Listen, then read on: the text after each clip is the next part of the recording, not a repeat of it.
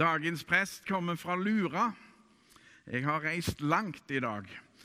Eh, alltid kjekt og hyggelig å komme her til Gann kirke. Og så er det jo en litt spesiell dag for meg i dag, for jeg nemlig, feirer nemlig 55-årsdagen min i dag. Ja, Ja, det var altså ikke min bursdag i dag, eh, men takk for dere klapte. Det er ennå noen dager til, men Men det er 55 kirkeår jeg feirer i dag. For jeg ble nemlig født i Haugesund på Kristi himmelfartsdag i 1966. 19. i 5. Så, men takk for klappinga uansett. Veldig fint. Og så er det underlig nok faktisk bare andre eller tredje gangen jeg forretter gudstjeneste og holder preken på denne helligdagen.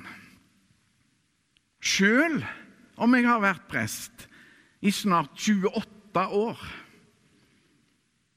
Kanskje er det en litt undervurderte merkedag i kirkeåret, dette her. Himmelspretten er det jo noen som kaller dagen. Det er kanskje litt vel flåsete, spør du meg, men nå er det jo ingen som spør meg, så det er veldig greit. Men dagens prekentekst, som er de siste ordene av evangeliet etter Lukas, indikerer at Kristi himmelfart er viktigere enn en kan få inntrykk av. Det måtte skje en avskjed. En ny fase må ta til. Jesus må nemlig dra tilbake oss til himmelen for at Guds frelsesplan skal fullføres. Jesus må kunne vært til stede overalt. Og derfor kommer Den hellige ånd ti dager etterpå.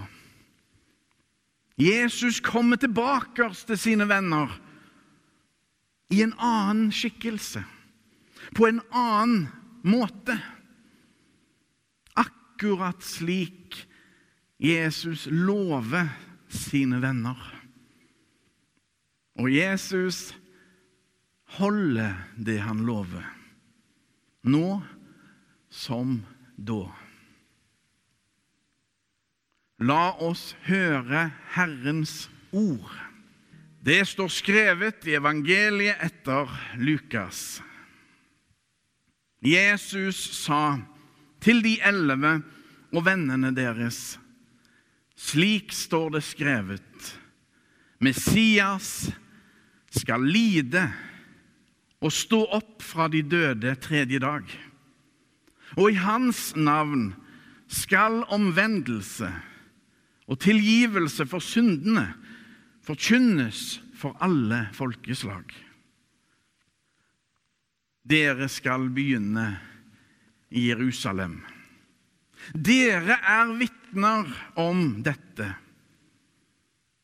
Og se, jeg sender over dere det som min far har lovet.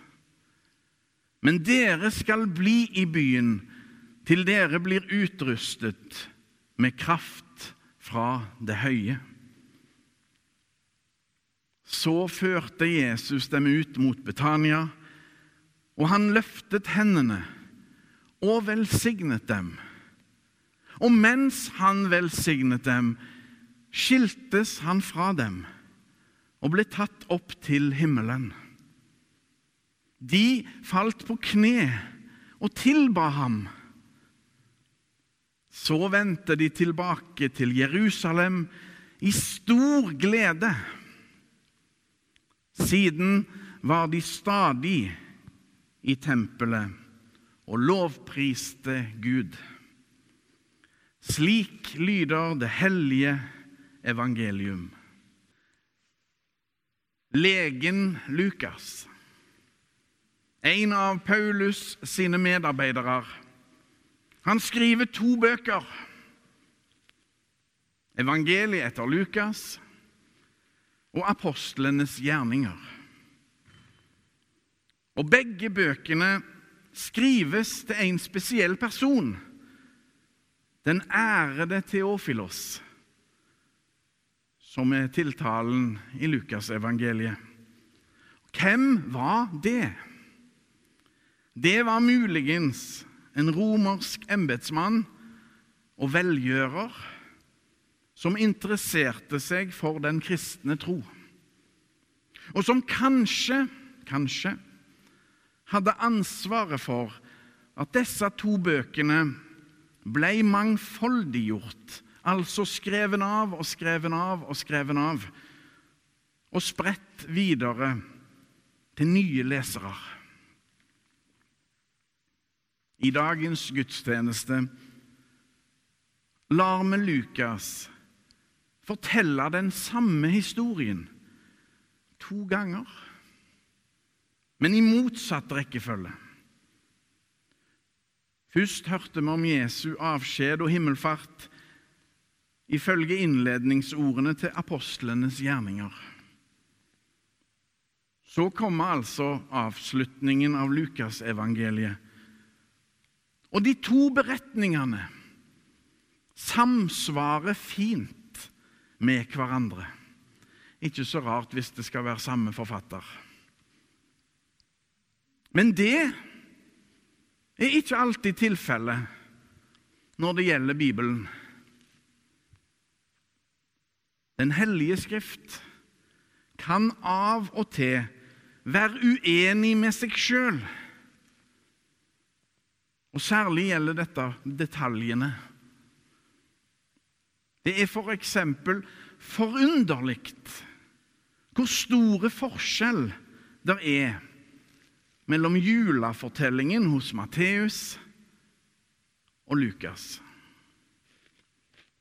Eller beretningen om røveren på korset. Det er såkalt særstoff hos Lukas. Bare Lukas sin kilde har fått med seg denne dialogen mellom de tre korsfesta. Og ikke minst den ene røveren som ba Jesus om så lite, og som fikk så mye. Paradis ble han lovt. Jeg kan nesten si at det er bare ett menneske i Bibelen som vi vet helt sikkert kom til himmelen, og det var røveren på korset. Forskjeller i detaljer trenger ikke å være problematisk. En mangfoldig betoning hos øyenvitneskildringene blir for meg iallfall mer troverdig og ærlig. Levende mennesker har sett og gjenfortalt det de så, videre og videre. Å lese Bibelens bøker krever årvåkenhet og evne til kritisk tenkning. For det er det store bildet disse beretningene søker å gi oss. Hvem er Jesus? Hva for noen tegn gjør han? Og ikke minst frelsesverket han fullfører. I kraft av sitt liv sin død og oppstandelse. Evangeliene ønsker først og fremst å skape tro hos oss. De er meint å være vitnesbyrd om Jesus Kristus, menneskesønnen, Messias, den korsfestede og oppstandende Herre.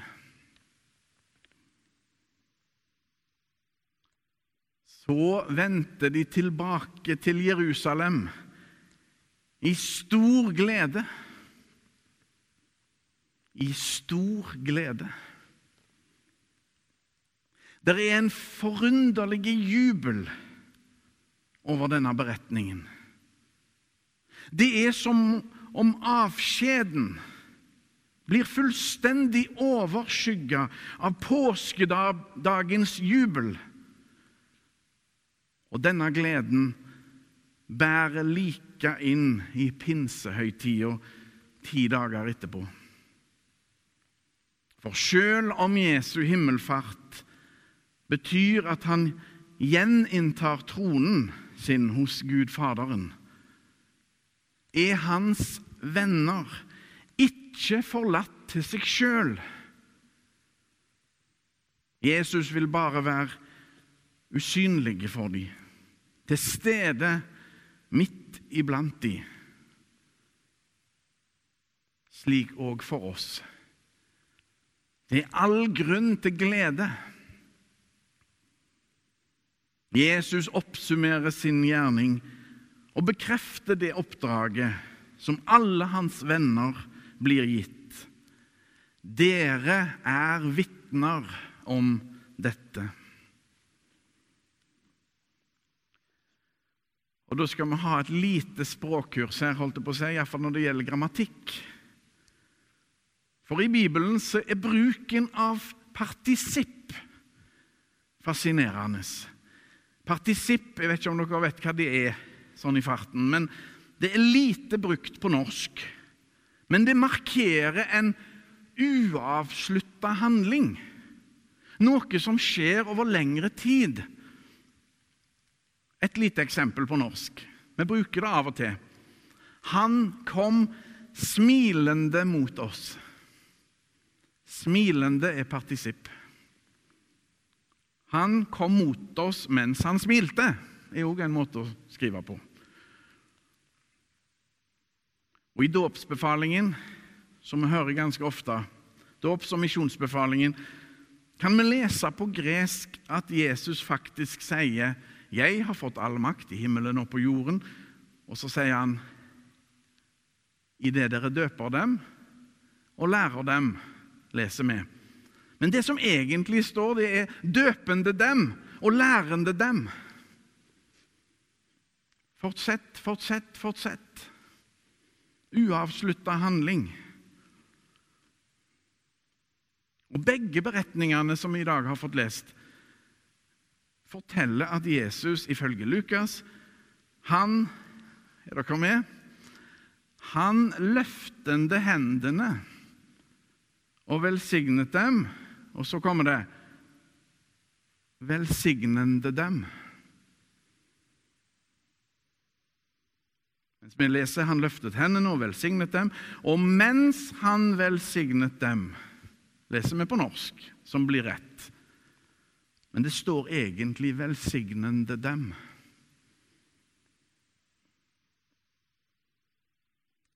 For å ta den litt vanskeligere varianten i apostelgjerningene dette er litt krevende.